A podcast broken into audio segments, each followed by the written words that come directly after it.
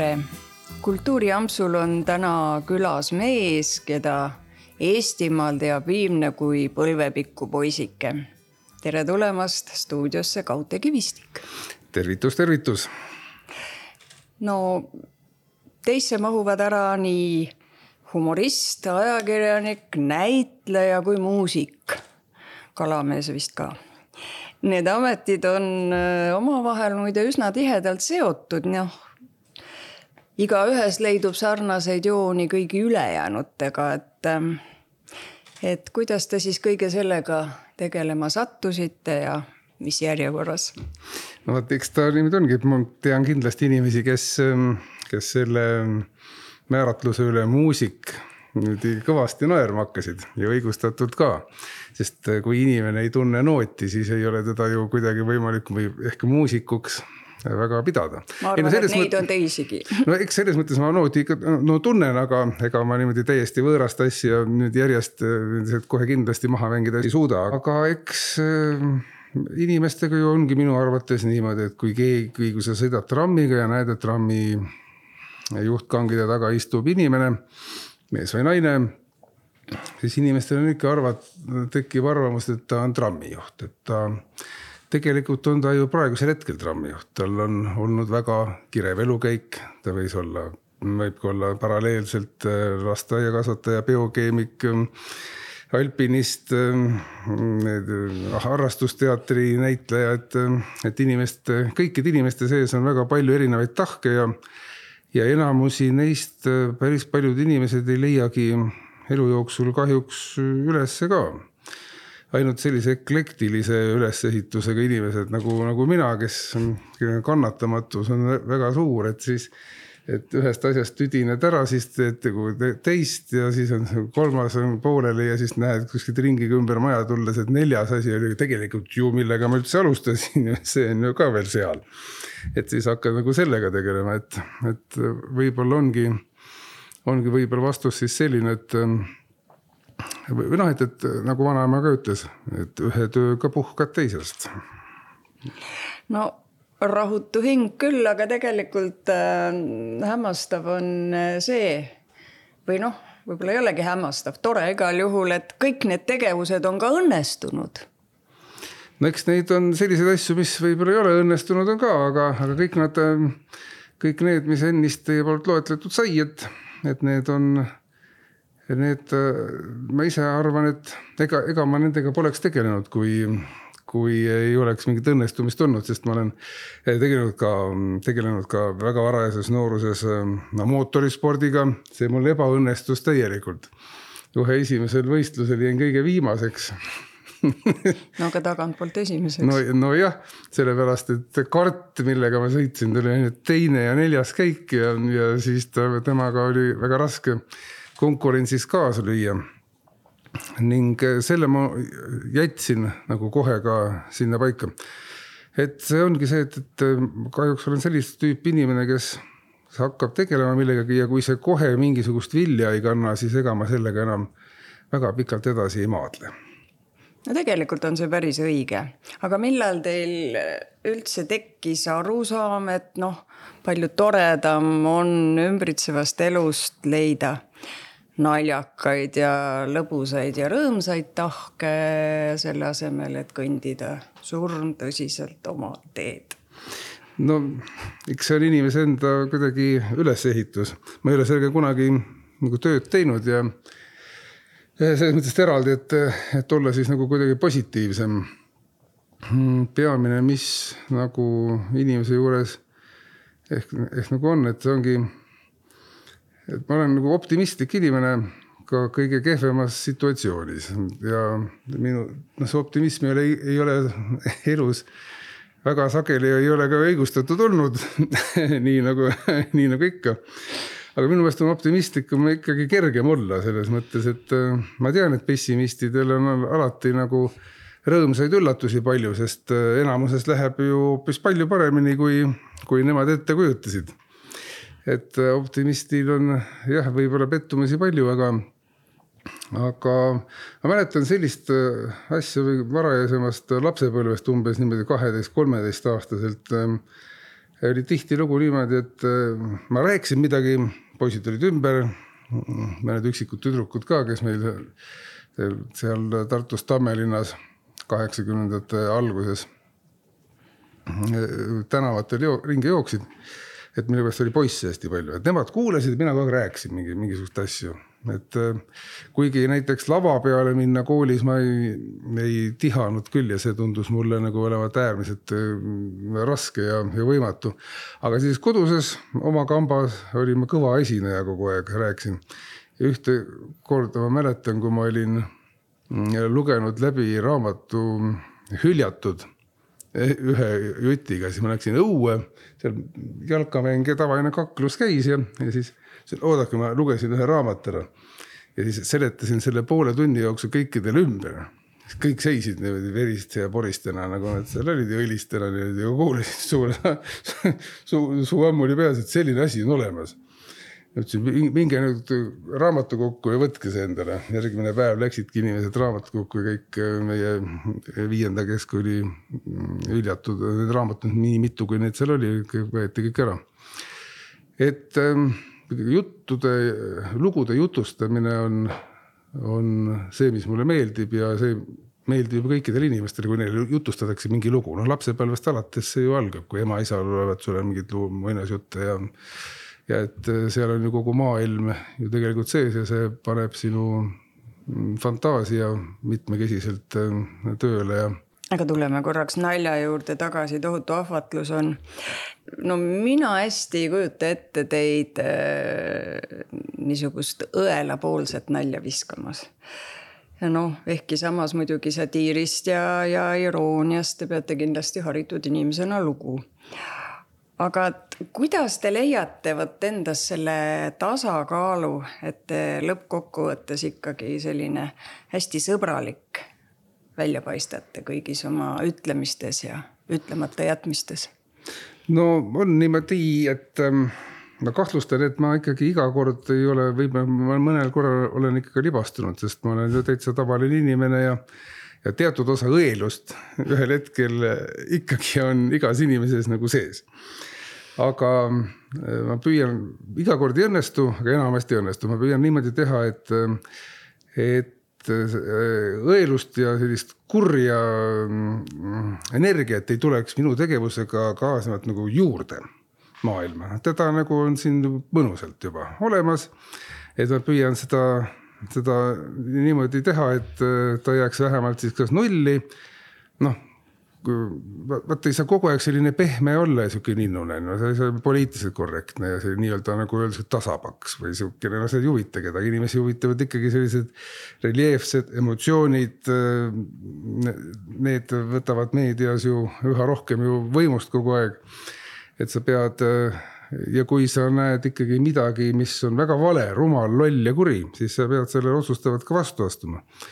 aga et just kui sa lähed isiklikult persooni juurde, niimoodi võtad kellegi ja hakkad seda tümitama niimoodi lihtsalt ähm, teda kui inimest, see on mulle küll hästi nagu võõras või, et seda ma ei pea õigustatuks, et äh, tema teod mõtted, need on ju noh, poliitikute puhul, kellel on paks nahk, need on alati ju äh, kõikvõimaliku aasimise legaalne tallermaa, et äh, aga inimene ise Äh, ükskõik, on ta sulle siis poliitilises skaalas meeldiv või mitte, et, et on ikkagi püha. meie eestlased, ükskõik, meie inimesed, et nendega ei tohi midagi halba teha kas lapsepõlvekodus andis tooni pigem selline muhe ja kerge olemine või olid su vanemad pigem tõsised ja ranged inimesed? vanemad olid nemad olid ikkagi sellised rõõmsad ja vanavanemad samamoodi, mul emapoolne, emapoolsed vanavanemad, vanaisa oli omal ajal küla pillimees ja, ja vanaema tantsis veel kaheksakümnesed meile balletti. ta ei olnud kunagi seda balletti minu meelest näinud mujalt kui televiisorist. võib-olla harva niimoodi. tema oli selline väga rõõmsameelne sest mul oli väga päikeseline imeilus lapsepõlv, noh nagu võib-olla sellepärast mõnedel inimestel tuleb mingisugune, ta läheb uitama kuidagi segastele teedele, et hakkab ka seda nõukogude aega siis nagu nimetama kuidagi väga nagu ilusaks niimoodi. Et noh, peab alati ikkagi meeles pidama, et lapsepõlv oli ilus vaatamata mitte tänu Nõukogude võimu pingutustele, nii et oli ikkagi vanemate ja vanavanemate töö ja pingutuste vili. aga valdavalt oli ikkagi, ikkagi selline pigem positiivne ja, ja rõõmus, rõõmus õhkkond, mida tasakaalustas isapoolne vanaisa kes oli selline niisugune karm Eesti mees ja rääkis väga lühikeste lausetega, tegelikult oli ta seest sihuke pehme ja hea. aga noh, tema lapsepõlv oli olnud veel karmim niimoodi ja, ja tema oli, tema ikkagi rääkis alati selliseid asju, et umbes stiilis, see oli veel tema kõige lihtsam väljaütlemine, et vene lastega rääkimiseks on leiutatud ammu üks eraldi aparaat, selle nimi on kuulipilduja või noh, et, et noh, nagu kogu aeg nagu umbes selliseid, selliseid asju ütles, väga lühikeste lühik-, tema mõtted olid hästi lühikesed ja väga konkreetsed. ja ta töötas kogu aeg, nii kui ta üles tõusis juba, ta midagi tegi ja, ja aga noh, et see asi kokkuvõttes oli ikkagi väga kenasti tasakaalus. sest on vaja nagu sellist, sellist poolt ka aga ma kahtlustan jah, et, et, et väga sellises kinnises ja, ja karmis õhkkonnas kasvades oleksin ma kasvanud kindlasti teistsuguseks, jah.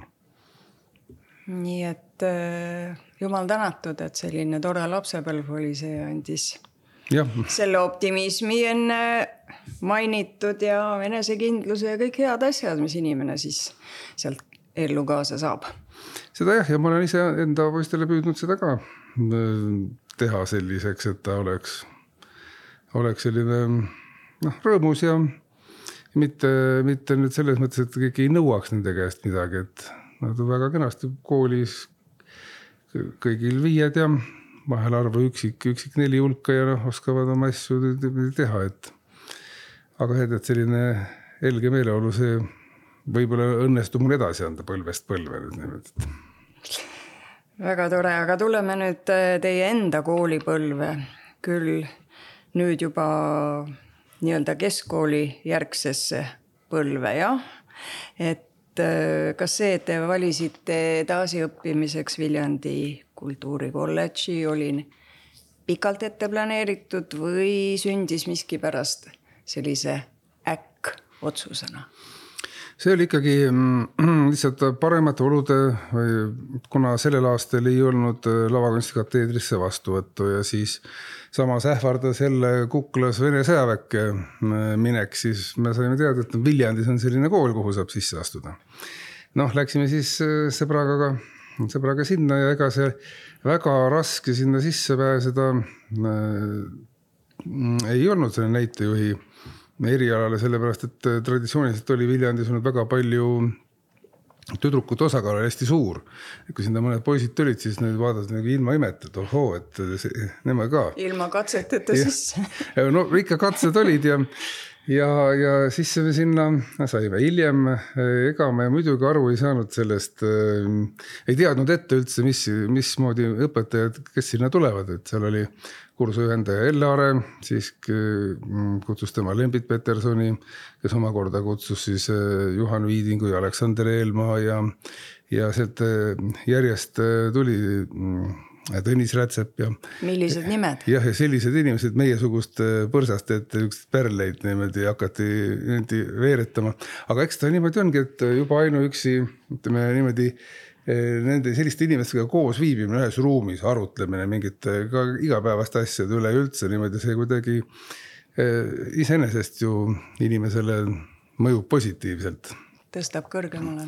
no, nojah, et, et eh, sa saad vii-, viib- ja, ja eks nendest neljast aastast nüüd koos nende inimestega ongi nagu suurem osa sellisest nagu majakast nagu, nagu, nagu majakas on paika pandud, et umbes sellisesse joonesse sa lähed ja suuri kõrvalekaldumisi sa mm, nendes asjades peamistes eluvalikutes nagu ei teegi.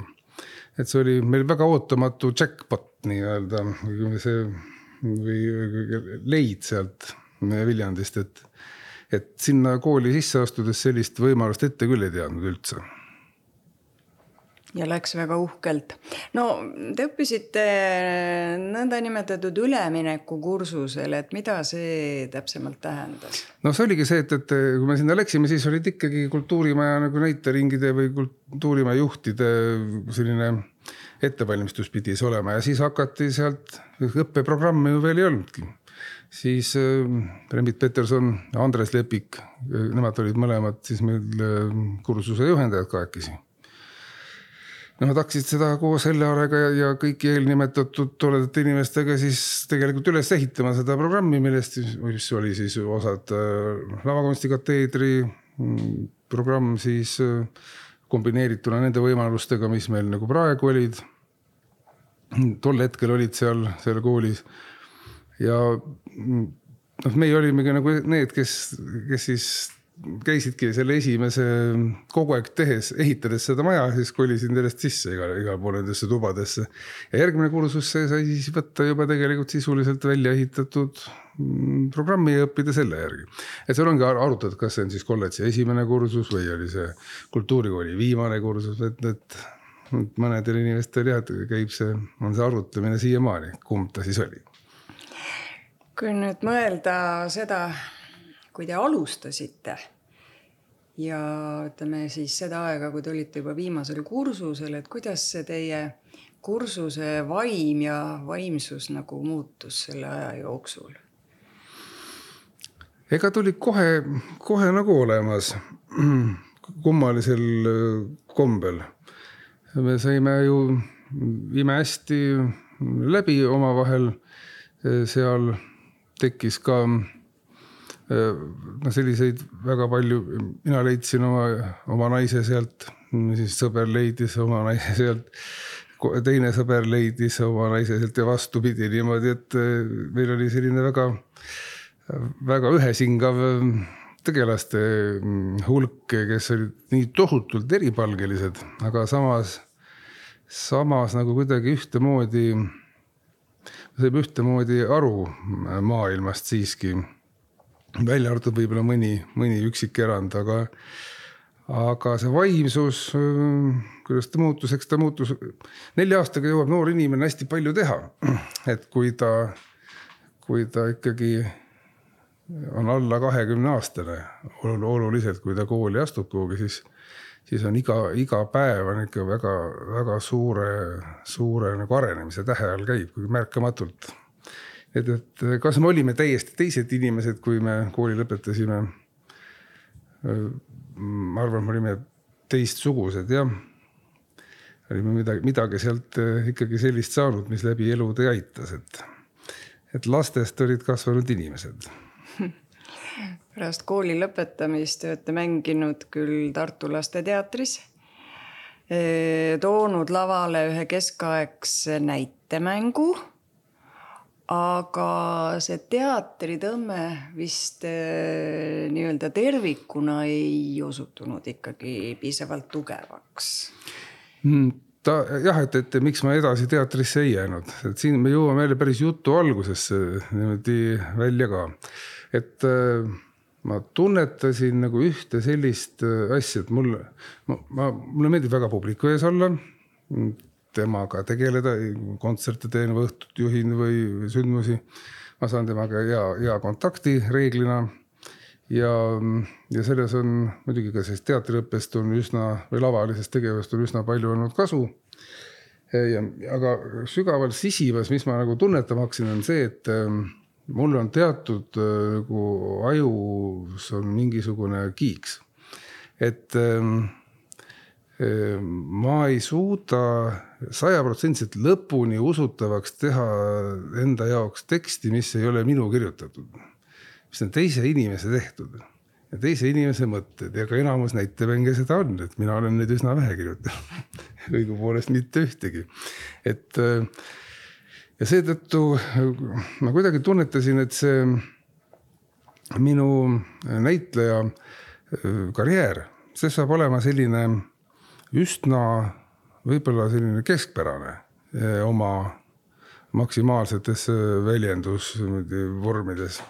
et ma oleksin jäänud äh, teatrisse kusagile sinna, kuna see ja, ja see poleks hakanud võib-olla, oleks mind võib-olla lõpuks nii palju huvitanud et ma olekski siukseks statistiks äh, jäänud sellist väike, mis ma ei taha üldse ütelda, et need inimesed, kes teatrites nüüd teevad väikseid rolle, see on ju hädavajalik, need inimesed ongi teatri alustala noh, selles mõttes, et see vundament, tänu kellele siis saavad mingisugused staarid saavad siis särada ja, ja, ja noh, niimoodi see üles ehitatud on. Aga mina arvasin, et seda ikkagi nagu on nagu vähe minu jaoks. võiks ikka ise staar olla. nojah, ja, ja, ja teine asi oli ka see, et ma hakkasin vara, varasemast peale hakkasin kummitama see, et sa teed nagu suure töönädala, teed, teed etenduse valmis, sinna tuleb vaatama nelikümmend inimest, sa teed, mängid jälle järgmine õhtu, seal vaatab kolmkümmend seitse, noh siis hea küll, vaatab kakssada, kui isegi vaatab kolmsada inimest noh, või vaatab viissada, noh, on suur saal täis, seitsesada näiteks. Noh, kümne, kümne päevaga etendusega seitse tuhat inimest. aga raadios on sul sada tuhat ja, ja pluss iga päev. sa saad inimestele otse rääkida neid asju, mida sa, mida sa kaude räägid läbi teatrietenduse väga väikestele rahva hulkadele. Noh, et see on selline mõtteline konstruktsioon minu enda jaoks, mis mind paneb, mis ma olen mm, selliste küsimuste tarbeks võib-olla ise välja mõelnud, aga, aga mulle tundub jah, et, et, et miski minu nagu sees takistas, võib-olla oli, on, on see, ütleme ka suhteliselt keskpärane andekus äh, näitlejana. mis mind ennast nagu ei rahuldanud ja, ja siis ma mõtlesin, et ma tegelen muude asjadega, milleks inimesel on rohkem eeldusi. No jõudsimegi vaikselt raadio juurde, mis tuli siis teie ellu selleks, et jääda. ja televisioon samuti, aga kuidas te siis sattusite tegema libauudiseid, see oli Kuu raadios ja aasta oli tuhat üheksasada üheksakümmend neli. hiljem siis Kukus, kuidas te sattusite? ja, ja see oligi pikk eellugu oli, oli ju selline, et kui Viljandi kool sai läbi, siis me tulime Tallinnasse, Lembit Peterson hakkas seal koos äh, oma kaasla-, võitluskaaslastega. Äh, vanaine hariduskolleegium oli juba olemas, hakkas seal tegema teatrumit. ja siis ma isegi töötasin ühe aasta vanalinna hariduskolleegiumis õpetajana. teatriõpetuse õpetajana tegime seal lastega teatrietendusi ja siis ühel hetkel ikkagi kolisime äh, perega Tartusse üheksakümne neljandal aastal äh, sündiski juuli, vabandust, juunikuus esimesel päeval sündis esimene poiss. ja äh, leidsime ennast Tartus elamast. ning siis ma käisin, algul tööd ei olnud, ma käisin Jaani kiriku väljakaevamistel. kaevasime seal tegelasi välja seal kes olid ikka sajandeid kiriku kaitsvate müüride, müüridest väljapoole maetud sinna.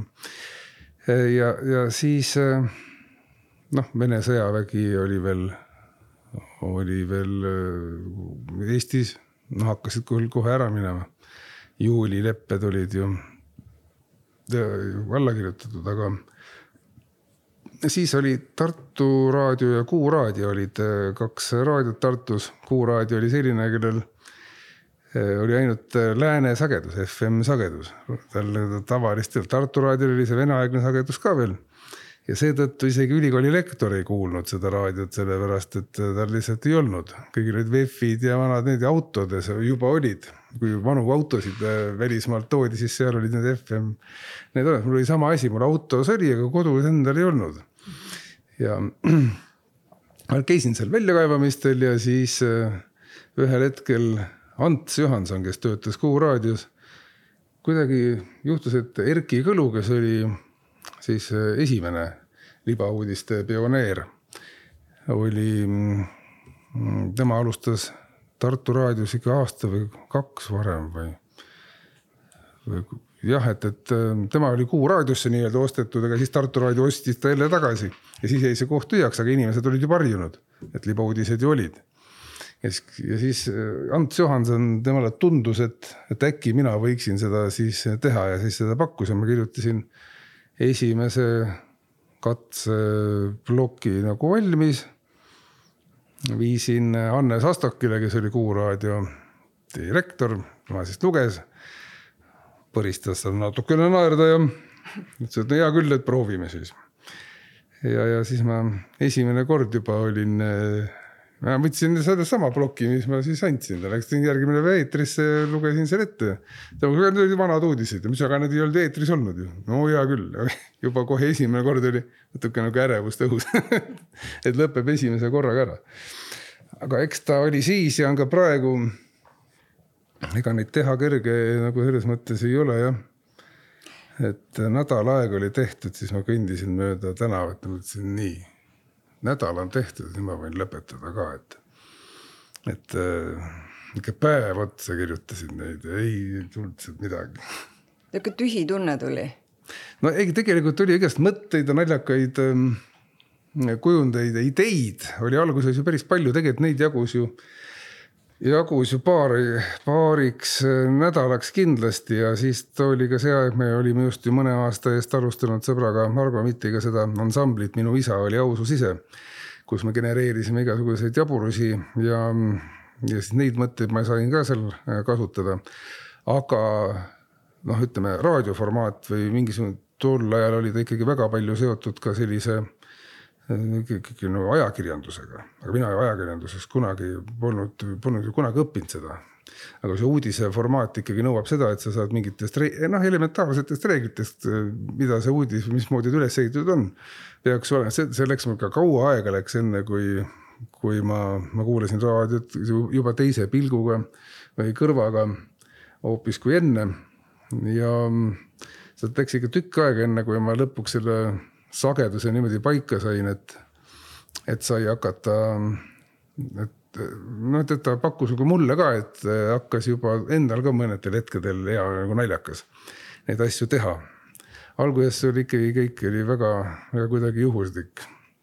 no ega sellist petu-uudist ei saa igast asjast teha, et see alusmaterjal peab nagu kuidagi juba endas sisaldama mingit koomilist alget jah, et eks ta on teatud osa on selliseid noh, jaguneb väga, ütleme absurd, puhtalt situatsioonikoomika on lihtsalt mhm. absurd niimoodi, lihtsalt keelemängud. siis noh, poliitiline selline igapäevasus siis kommunaalhuumor, niimoodi noh, bussid, trammid, trollid, soe vesi, külm vesi, elektriarve, see on kogu aeg inimestele hästi tähtis niimoodi ja aga kokkuvõttes on ju niimoodi, et ma olen vaadanud, et kui ma võtan üheksakümne kuuendal aastal tehtud uudise niimoodi võtan ette, siis vaatan, et ega kõik on täpselt samamoodi. võtad selle uudise, paned uuesti eetrisse, vahetad nimed ära. mitte midagi muutunud ei ole, õpetajatel raha vähe, politseil häda, kogu aeg poliitikud on ära kuidagi, kuidagi nii ja naa ja kuidas nad on ja kõik see on ju muutumatu absoluutselt niimoodi läbi kõikide nende aegade ja inimestele alati tundub, et et eh, noh, et, et seda kõik on nagu, kõik on nagu uus, mis tuleb, ei, kõik see ketrab ikka sellises vanas, vanas nagu karussellis edasi. välja arvatud siis ütleme tõesti väga suurte selliste ähm, nagu noh, mingite musta luige saabumised niimoodi, aga need, need on, neid ikka juhtub äh, harva. et aga muidu on kõik äh, üks ja seesama, aga kuidas siis selles värskust säilitada, ma mäletan minu arust Andrus Kivirähk on kunagi mõne, ühes kohas kirjutanud, et et eh, kui, eh, kui on, no ütleme, võtad näiteks rumalus, selline asi, inimlik rumalus, sihuke lollus. sa kirjutad sellest ühest, ühte kanti, teise kandi pealt, kolmanda kandi pealt, viienda kandi pealt, kuuenda kandi pealt. aga lõpuks võivad käed rüppe, sellepärast et sa oled ju sellest kirjutanud juba. aga see tuleb ikka ja jälle täpselt sama asi, et siis sa peaksid nagu veel selle tähelepanu juhtima, sina pead kogu aeg, üks, üks tola astub ruumi sisse ja sa pead iga kord teda erinevalt iseloomustama, sellepärast et publikul oleks rõõmus kuulata. tegelikult tola on ju tola, nagu sa ütled, näed, tola tuli no,, halvas mõttes tola, et noh aga sina pead loojana kuidagi ütlema tema kohta iga kord midagi uut, temal on hästi kerge, tema tuleb ikka ühesugusena ja teeb oma sigadusi. aga sina pead siis, kui sa oled selline kirjamees, siis iga kord kuidagi, muidu aga öelda, sa ju kordad ennast, no aga kurjus kordab ennast kogu aeg rumalus, kogu aeg kordab ennast niimoodi, et noh, selles see vastuolu nagu ongi. Ja mm, mõnikord läheb ikka tuju läheb ära ja siis ongi selline tunne, et ja siis nagu me ennist puudutasime seda, et siis mõnikord tekib see tunne, et lähed tigedaks ära. siis tahaks ükskord panna niimoodi, et aga siis mõtled, et noh, see ei ole ju. see noh, hea kiusatus on, et äh, inimestel üldse mõnikord ka kiri tuleb inimeselt. ja ma olen nüüd ära õppinud, et ma ei vasta kohe.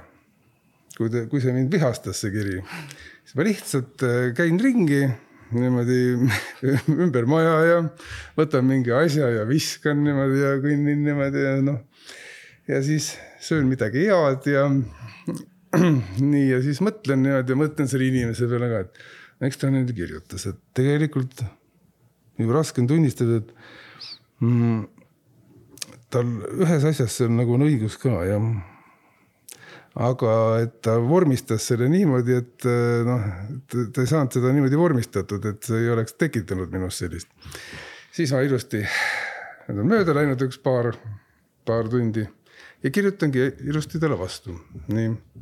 ja pärast seda kohe nagu muutub see asi ja see asi saab korda, aga kui ma oleks tulistanud sama emotsiooni pealt sinna vastu, siis tema oleks tulistanud mulle vastu ja olekski olnud noh, sealt ei oleks midagi tulnud. aga kas alati peab vastama? No kui inimene küsib, siis no, no iga kord ei pea jah, et see on ju selline asi, et no see on ka ju nagu vastus, kui sa ei vasta, et noh, et äh, kuidas sa ei saanud nüüd kirja kätte, noh, ikka said, et, et kui sa ei vastanud järelikult, siis järelikult siis see ongi vastus, et see nagu sind ei, sind ei huvita, et, et see, see uudiste valmistamine jah, et, et ta ongi ma olen nendega siiamaani tegelikult äh, olen kimpus ja kolmekümnes aasta käib mm. -hmm. aga kuidas, no kuidas te toimite siis, kui ühesõnaga inspiratsiooni kohe sugugi ei ole? aga homseks hommikuks peab valmis olema. no eks ta ongi, ta kolmekümne aastase eas on ju, on ju niimoodi noh, kolmkümmend aastat on ju terve uue või taasiseseisvunud Eesti ajaloo pikkus peaaegu. no ikkagi vähem, aga ja, ja minu enda elust on see ju, on see ju väga-väga suur osa läbi kõikide roki ja rolliaegade ja on see, on see kuidagi õnnestunud teha, aga kui ikkagi ei tule midagi, siis, siis ma olen võtnud oma paksu paki ette, olen sirvinud neid niimoodi olen vaadanud, et mõnikord üks uudis nagu täpselt sobib siia, nagu ma ennist rääkisin, vahetad nimed, nimed ära. ja, ja see on nagu kahetine selline asi, mul on uudiseid, mis on eetris kõlanud, ma arvan, kümme korda kindlasti. ja see ongi täpselt sama asi ja siis iga kord ikkagi jagub inimesi, kes ütlesid, et see, vot see oli küll hea, et noh, et aga nemad polnud ju kuulnud. kolmekümne aastaga on palju inimesi meilt ära läinud, väga palju inimesi on sündinud juurde ja kui ma ei kasutaks neid uuesti, siis see oleks umbes sama nagu Anne Veski laulab ühe korra ühe loo ära ja siis rohkem ei laula seda, sellepärast et see oleks ju enne enda kordamine. aga muidugi konteksti võib leida, kogu aeg ei saa ühte ja sama asju kasutada niimoodi, see on selge, aga. aga et kui see on see, kui inspiratsiooni ei tule, vot mõnikord ongi need, selle inspiratsiooni leidmisega ongi see, et, et eh, siis peab minema sellistele sellistele äh, lagendikele kappama, kus äh, ei olegi otseselt igase noh, tänase päevaga mingit seost. ei olegi üldsegi seost isegi üldse mitte millegagi. et äh, noh, võtadki sellise uudise, et, et Eesti ujuja Ahto Jerkun saabus eile kettaheite MM-ilt tagasi rekordilise medalisaagiga, kaks kulda sai Ahto kohe õhtul Poola atleetide hotellitoast ajal, mil sportlased olid saunas, kolm kulda ja neli hõbedat, aga korraldajate šeifist vahetult enne äralendu. ja viimaste andmete kohaselt on Ahto Järkun üldse kõige rohkem ühelt võistluselt medaleid toonud Eesti sportlane, et noh, et, et võtadki siis, ta ei ole mitte millegagi nagu kellegagi ega millegagi nagu seotud. aga uudis on. uudis on ja, ja räägid ja, ja, ja ma olen tähele pannud ka seda, et üsna sageli tuleb ette neid asju, mis mulle endale tundub väga naljakas, aga teistele inimestele nagu sugugi mitte niimoodi, et neid asju on ka. vastupidi on ka. ja, ja, ja vastupidi on ka, et minu enda jaoks oli see kuidagi nagu, nagu ta oli. ja sest raadio imeline formaat on ju see, et, et kui sa teed, tele on selles mõttes hästi raske, et ähm, sinu poolt tehtu, äh, see lõpp-produkt peab olema selline äh, noh, et, et see võtab inimeselt enda ju fantaasia ära. raadios see kogu aeg säilib, tal hakkab see uudis hakkab endal silme ees sõitma ringi. sellest Ahto Jerkunist, kuidas ta tegutseb ja mismoodi kõik see nagu on. ja kui sa teed sellest äh, väikese videoklipi, siis ei ole, ei ole ta nagu seda et või noh, et saab, aga see on hästi keeruline teha, et seetõttu raadio mulle meeldibki, et inimene, iga inimene loob, äh, sul on nagu noh, päeva jooksul ikkagi sada tuhat sellist äh, väga eraldiseisvat äh, lugu, mis sinu jutust on tekkinud inimeste peades niimoodi, et. see, kes kirjutas teile kirja, see oli libauudiste peale, jah? ei, ei, see oli, mm, need olid rohkem sellised hoopis äh, loominguvälised, välised asjad. selge. aga noh, võtame libauudised või võtame loominguvälise olukorra, nagu öeldakse, et, et äh, ikka võib juhtuda, et äh, nii-öelda noh, nimetagem teid siis artistiks, esinejaks et tema peale võidakse solvuda ja ühesõnaga hea, kui kohtusse ei kaevata et äh, kas võib öelda, et see oleneb niimoodi artistist, et on neid, kellega äsja mainitud lugu juhtub ja võib-olla isegi sageli ja on neid, kellega seda nagu kunagi ei juhtu, et võib-olla siit tuleme tagasi sinna meie päris algusjutu juurde, et, et teil on see oskus seda tasakaalu leida, aga põhimõtteliselt vot selline olukord meie naljamaastikul on olnud äh, selliseid asju, et äh, inimesed ise, kelle kohta või kelle tegevuse kohta äh, uudist kirjutatakse, pole mitte kunagi nagu sellist mingeid pretensioone olnud. võib-olla ütleme inimesed, poliitikute toetajate poolt nagu, nagu küll on, on, on tulnud niimoodi et noh, et, et ma süüdistusi, et ma olen Reformierakonna sabarakk ja, ja valitsuse tallalakkuja. aga samas ma alati ütlen neile inimestele, et, et kümnest uudisest seitse puudutab alati mul valitsuse nagu tegemisi. et ja meil on viimase kahekümne aasta jooksul on, kes on peamiselt olnud valitsuses, noh, välja arvatud nüüd natuke aega siin see on olnud Reformierakond, järelikult on ju see, et ma olen nende kohta kõige rohkem libauudiseid ju kirjutanud et ähm, inimestele tundub alati, et nad, need on need inimesed olnud, kes ei ole aru saanud seda, et ma jagan seda tähelepanu nagu võrdselt ikka kogu aeg, kogu aeg kõigi, kõigi suunas. aga jah, et, et on olnud jah, selliseid äh, tigedavaitu inimesi küll, kes, äh, kes on äh, selle tähelepanu juhtinud, aga ma ei ole meil kahjuks väga paljud ei ole, kommentaaride lugeja ei ole nagu suurem asi. mõnikord mulle ikka väga meeldib neid lugeda, aga, aga pole aega olnud niimoodi, et. see on jah, üsna ajaraiskajalik töö teinekord, kui just mõni pärl sekka ei satu. juba üle kümne aasta naelutab siis suviti rahva teleka ette Eesti mäng saadet vaadatakse saate kui terviku pärast, vaadatakse külaliste pärast, vaadatakse küsimuste pärast ja ja arvatavasti on kindel seltskond inimesi siis, kes vaatab seda just nimelt teie pärast. et eh, selline lahe, muhe, muretu olek pärast väsitavat tööpäeva, et see on selline hingevalsam, arusaadav, et eh, kui teadlikult te just niisugust juhtimise liini järgite? no eks ta on tulnud ka vaikselt, ta pisut oli teistmoodi päris, päris esimestes hetkedes, kui seda me, seda formaati ju kuskilt sisse osta ei olnud ja seda ise tegime selle. Horse Productioniga, noh istusime Teremaja kohvikus seal all ja me püüdsime siis vaadata, mis, mis sellest välja tuleb. aga ju, ju nendel on selline hästi hea nina, nad kuidagi nende produtsentidel, nad oskasid nagu inimesi välja valida, kes sinna nagu tõesti sobiksid. just sellisesse formaatist, ta on ju iseenesest on ju hästi väga lihtne oma olemuselt, seal pole nagu mingit raketiteadust nagu ei ole. ütled inimestele tere ja, ja hakkad minema ja nad on natukene, kes tulnud on, võib natukene noh, ärevuses ka, aga sa teed, et neil oleks mõnusam olla seal ja.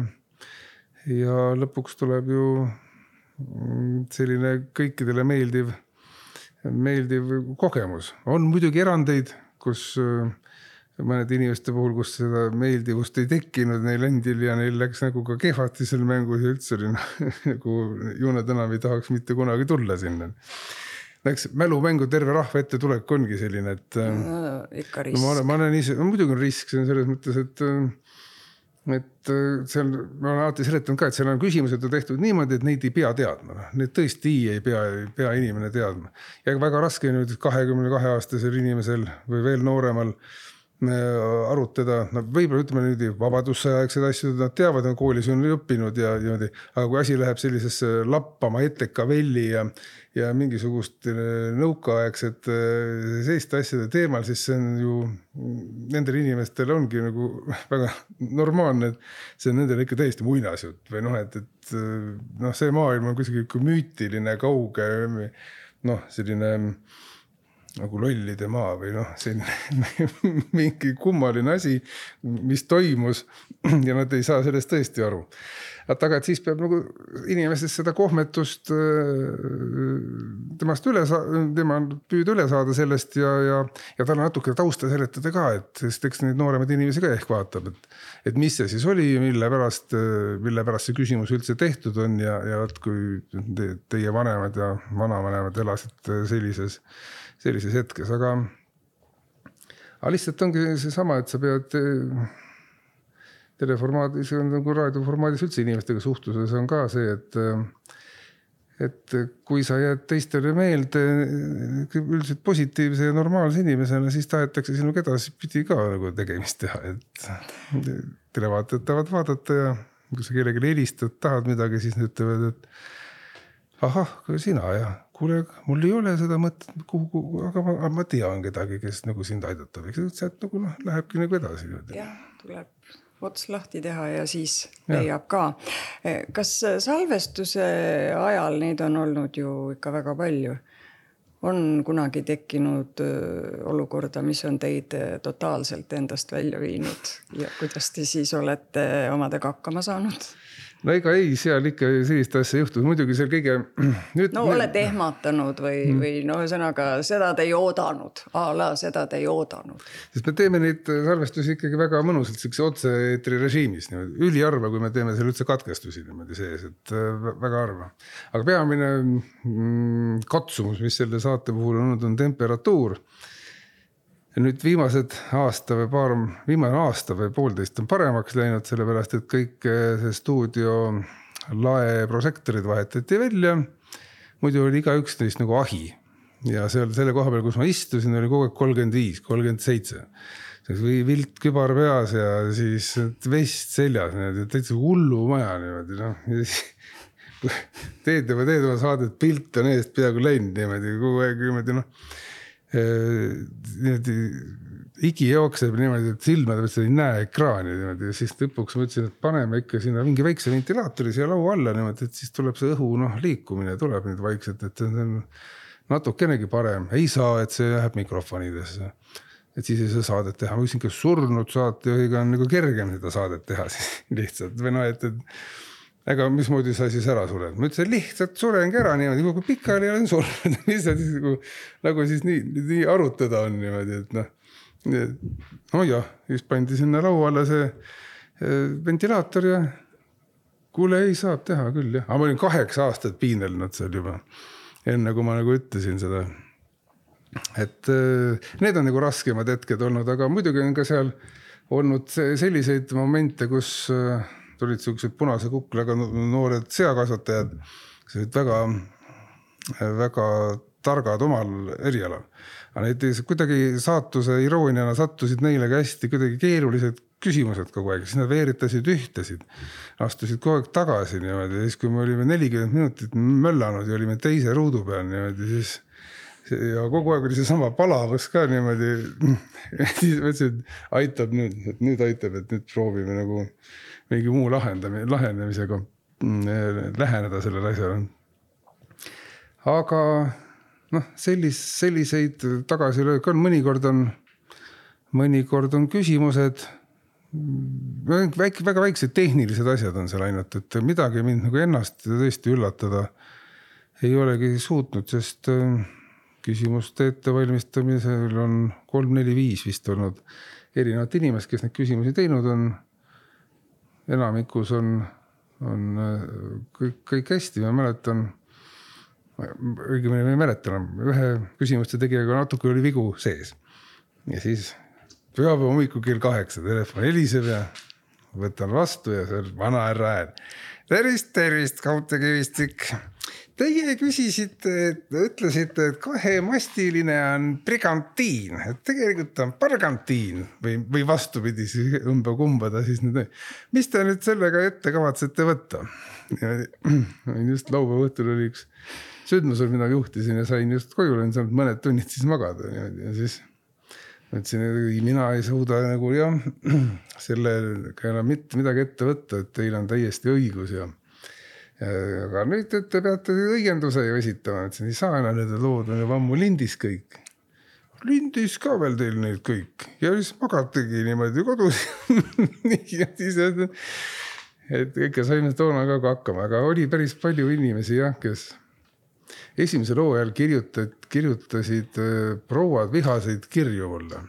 näha olid siuksed vanemaealised prouad, ega käsitsi kirjutatud kirjad, nad olid kirjutanud kohe nii vihased, et ähm, pastakas oli läbi paberi läinud paaris kohas et ju neil oli keegi tuttav vast olnud selles mängus ja, ja ja ega ma päris esimene hooaeg ju ei osanud seda saadet ju nüüd lõpuni hästi ju juhtida ka, et ma alles nagu otsisin neid. vahepeal ma nagu küsisin inimestega, oled sa ikka kindel, et see niimoodi on, nad olid õige vastuse ära öelnud, siis ta hakkas niimoodi mõtlema, siis valis teise niimoodi. Ja siis oligi vale ja siis jäi nagu mulje nagu suunatud sellisest aga noh, ma, minu jaoks on ta ju ikkagi ja enamike inimeste jaoks lihtsalt sihuke rõõmus telesaade, et et on ju sellist mõisa peale mängu meil ei ole ja et üle ei tasu sellest asjast äh, ju mõtelda midagi. mul jäi kõrva, et äh, vanahärra helistas pühapäeva hommikul, et äh, miks te oma telefoninumbrit jagate või kes? vot ma ei teagi, kust ta selle saanud oli, aga. jah, see ei ole tänapäeval keeruline. aga see oli jah umbes. aga pigem noortele inimestele, no see selleks. kõne igatahes tuli ja tuli, aga nüüd tuli. selle kogemuse võrra rikkam. jah, ei nüüd ei ole mit, mitmeid aastaid enam seda muret olnud. ja no saateid on olnud teisigi, kes mäletab tippkohtumine, rohke kalatuur ja nii edasi ja võib-olla siit rohke kalatuuri nimetamise juurest lähemegi äkki siis kuivast ja soojast või täpsemalt öeldes palavast stuudiost metsiku looduse kätte. et äh, olete jõelaeval laevnik. kohe sõna on raske välja öelda, jõelaevnik ja papist poisid selle asjaga juba ei tegele. et kuidas siis selline kirg nüüd tekkis ja lõkkele lahvatas? ja, ja ise ma ju Tartu poiss olen niimoodi ja, ja kuidagi läks minu lapsepõlv niimoodi, et see Emajõgi oli toona ikka selline pigem liikumist segav lihtsalt üks looduslik takistus, kui et ma oleks seal kuidagi seisnud selle ääres või jah, üle jalakäijate või selle üle Kaarsilla kaare tuli ikka kõndida, kui see sinna ette juhtus, et see oli ju sihuke iga noor inimene pidi sealtkaudu minema, kui pime oli.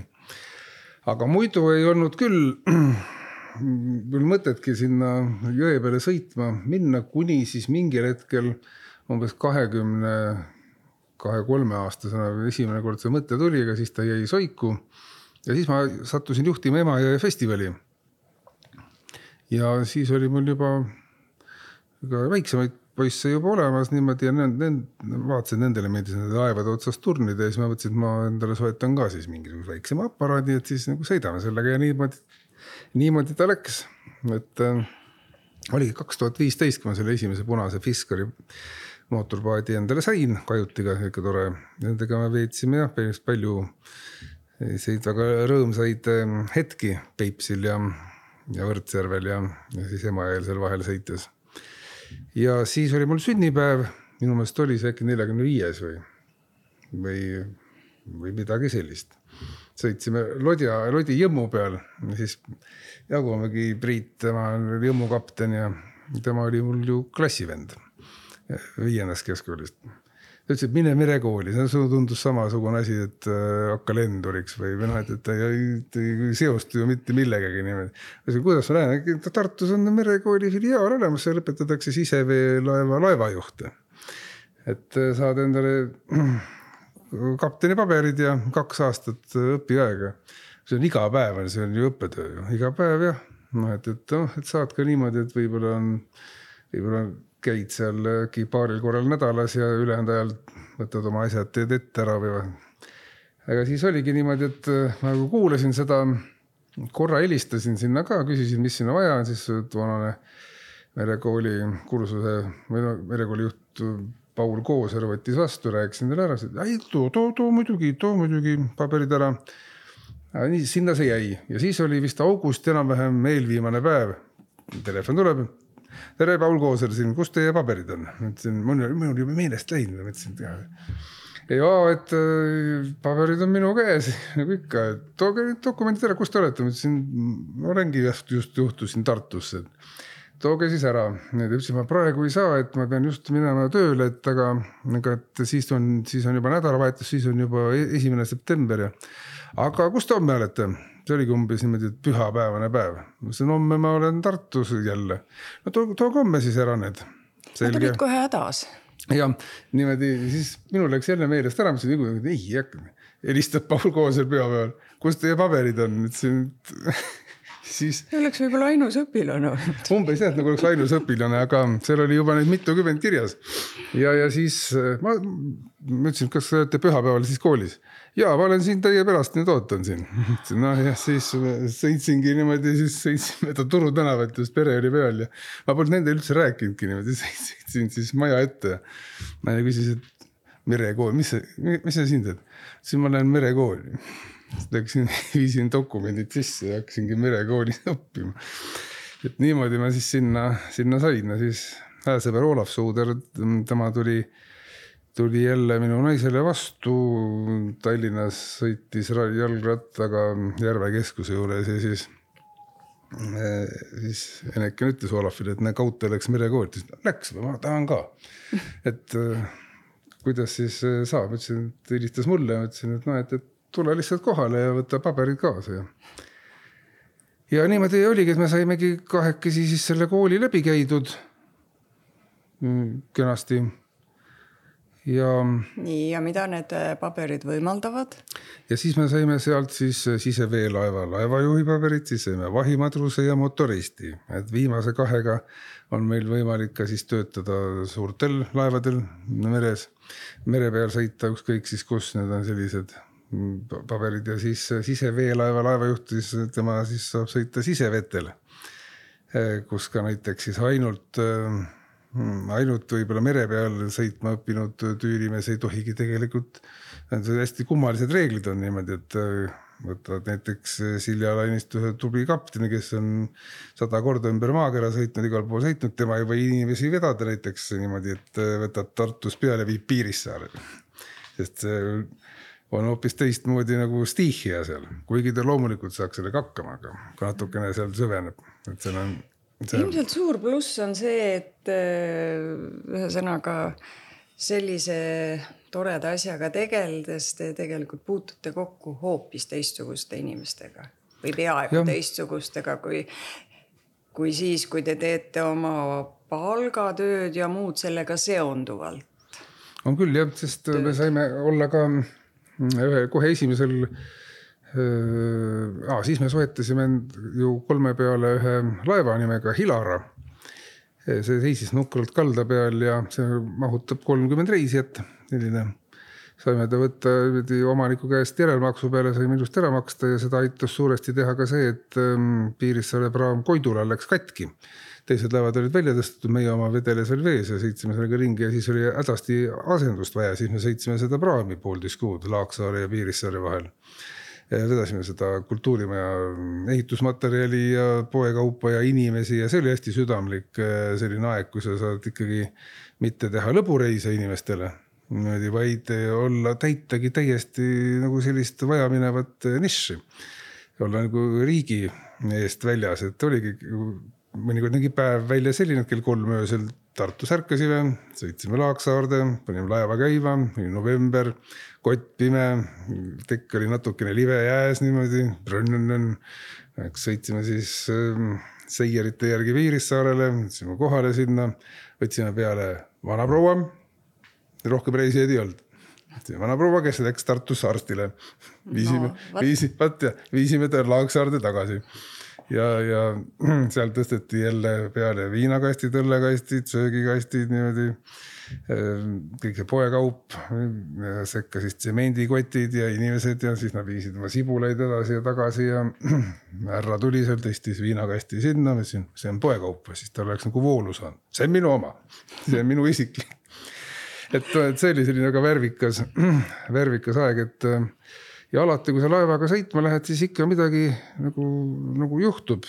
Mm, noh, midagi põnevat või, või mingi elamuse sa saad ja selle, selle tarvis see, see laev, laev meil nagu ongi, et, et, ähm, et oleks, mida pärast rääkida, sest kahjuks on niimoodi, et nii südamlik ja tore, kui ka ei ole äh, sündmusi juhtida siis nende tuhandete seast mina meenutada suudan võib-olla ainult paari mm..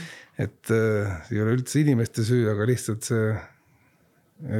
peaksin relva ähvardusel näiteks istuma laua taga ja kirjutama üles kakskümmend Mm, sündmus, mida ma juhtinud olen, siis võib-olla ma saaksin sellega hakkama, võib-olla ka siiski mitte, kuigi igasugustest äh, nendest laevareisidest võin ma rääkida pikalt ja pikalt, et nagu selle vahe ongi. ja laevareise tehes jälle puhkate neist muudest tegemistest, eks ole, õhtujuhtimisest, teletööst, raadiotööst.